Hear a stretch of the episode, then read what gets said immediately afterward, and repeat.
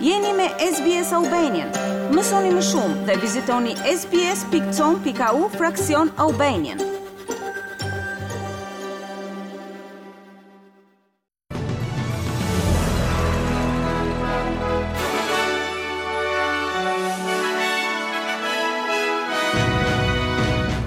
Në buletinin e sotëm informativ do të ndiqni Kërkimi për të mbijetuarit vazhdon në Zelandën e Re. Pasi cikloni Gabriel ka zhvendosur mijëra njerëz. Një valë e fortë nxehti ka përfshirë pjesë të mëdha të Australisë. Dhe në sport, Tiger Woods kërkon falje pasi i dha për shaka një tampon partnerit me të cilin luante. Dhe vijojmë më gjerësisht me lajmet. Banorët e Australisë Perëndimore po përballen me një valë të fortë nxehti këtë fundjavë, me temperatura të larta që arrijnë 40 gradët në pjesët veriore të shtetit.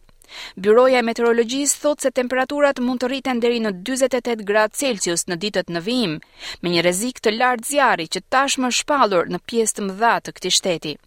Temperatura të nxehta parashikohen gjithashtu dhe për New South Wales dhe pjesë të Queenslandit jugor, ku ato parashikohen të shkojnë në mesin e 30 gradëve. Më në jug, Victoria po shijon një pushim të shkurtër të valës së të nxehtit pasi Melbourne regjistroi të premten ditën e tij më të nxehtë që nga janari i 2020-s.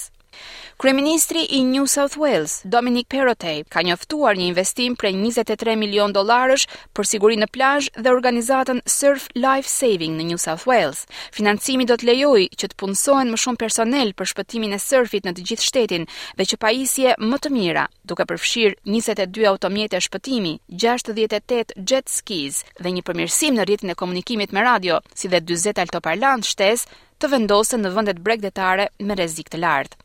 Zoti Perrottet thotë se kjo verë ka qenë veçantërisht e vështirë, me njëzet e tre mbytje të regjistruara. One drowning is one too many. Uh, so can I say to people today when you're out at the beach, when you're enjoying the sun and the surf, uh, please swim between the flags, uh, follow the advice of surf lifesavers. Ju bëj thirrje të gjithë pushuesave që shijojnë diellin dhe surfin, ju lutemi, notoni mes flamujve, ndiqni këshillat e shpëtimtarëve të surfit, ata janë aty për t'ju ndihmuar dhe për t'u kujdesur për ju.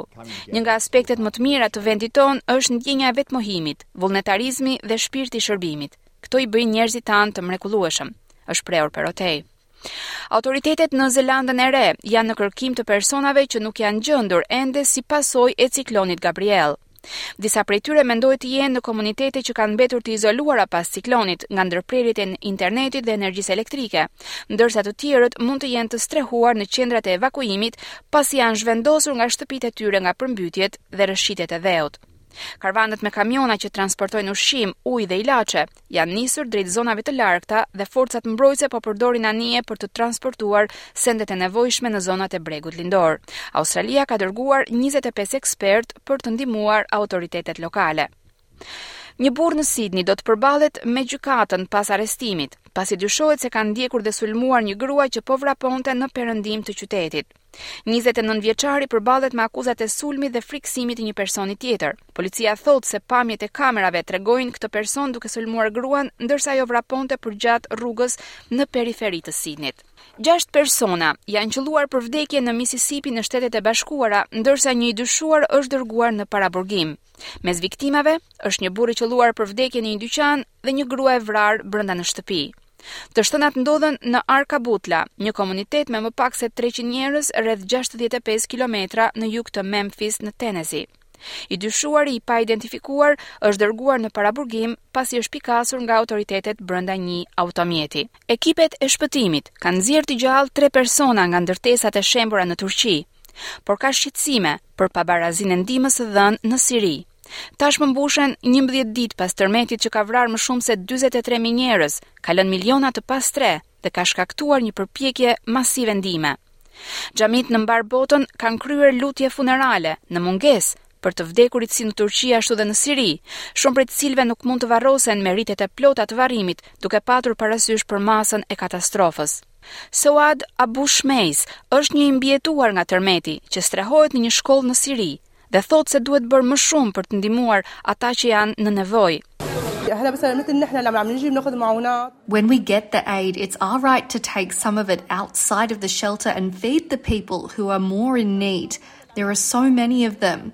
Why are they not allowing us to do that? Kur marrim ndihmën, është e drejta jonë ta nxjerrim një pjesë të saj jashtë strehës dhe të ushqejmë njerëzit që kanë më nevojë. ka kaq shumë prej tyre.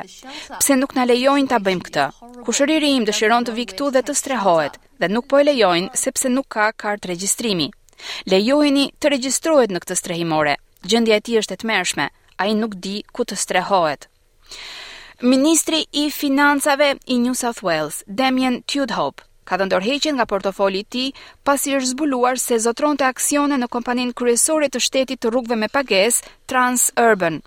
Dhjetë nga njëzet e një rrugët australiane me pagesë të kësaj kompanie janë në Sidni dhe përbëjnë pjesën më të madhe të rrjetit të tuneleve dhe autostradave të qytetit. Dhe ministri Tudehope ka qenë përfshirë në diskutimet e qeverisë që përfshinin kompaninë Transurban gjatë kohës së tij në kabinet. Por, tashmë ish-ministri thotë se deri më tani nuk e ka ditur për aksionet, pasi ato kanë qenë pjesë e fondit të pensionit të tij. Ai thotë se integriteti i tij mbetet i paprekur dhe se po jep dorëheqjen për të mos u bërë një objektiv politik disa javë pas zgjedhjeve vendimtare shtetërore. Mijëra njerëz i janë bashkuar festimeve për World Pride 2023, e cila ka nisur në Sidni. Organizatorët thonë se e drejta për ta mbajtur këtë festival është fituar me vështirësi, dhe është mundësuar nga arritjet për të fituar lirinë e identitetit të komunitetit që nga viti 1978, kur u mbajt marshimi i parë i homoseksualëve dhe lezbikeve, i quajtur Mardi Gras. Rene Rivers, një stiliste, që iu bashkua ngritjes së flamurit të progresit të krenarisë në bashkinë e qytetit, ka thënë se ndihet krenare që jeton në një vend multikulturor, ku të gjithë përpiqen të respektojnë veten dhe të qenët të ndryshëm nga njëri-tjetri.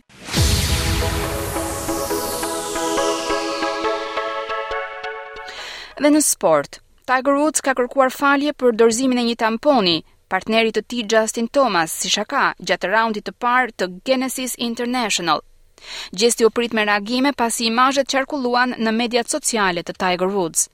Duke iu përgjigjur kritikave nga komentuesit edhe në mediat sociale, Woods tha se kishte bërë shaka dhe se i vjen keq që nuk ishte kuptuar kështu.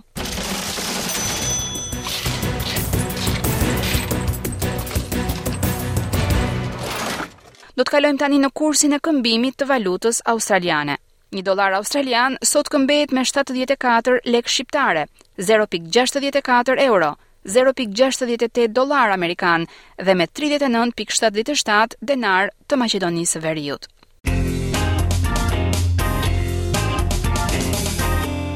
Vazhdojmë me parashikimin e motit për ditën e sotme dhe të nesërme.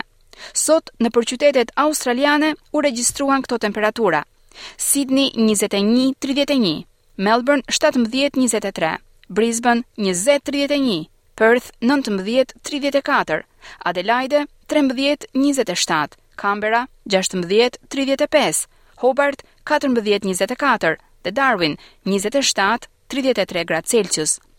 Për ditën e nesërme, Byroja e Parashikimit të Motit sjell këto temperatura: Sydney 21-27, Melbourne, pesëmbëdhjetë njëzet e shtatë, Brisbane, njëzet tridhjetë e një, Perth, nëntëmbëdhjetë tridhjetë e tre, Adelaide, trembëdhjetë tridhjetë, Canberra, katërmbëdhjetë tridhjetë, Hobart, dymbëdhjetë njëzet e shtatë dhe Darwin, njëzet e gjashtë tridhjetë e tre gradë Celsius. Dëgjuat edicionin informativ.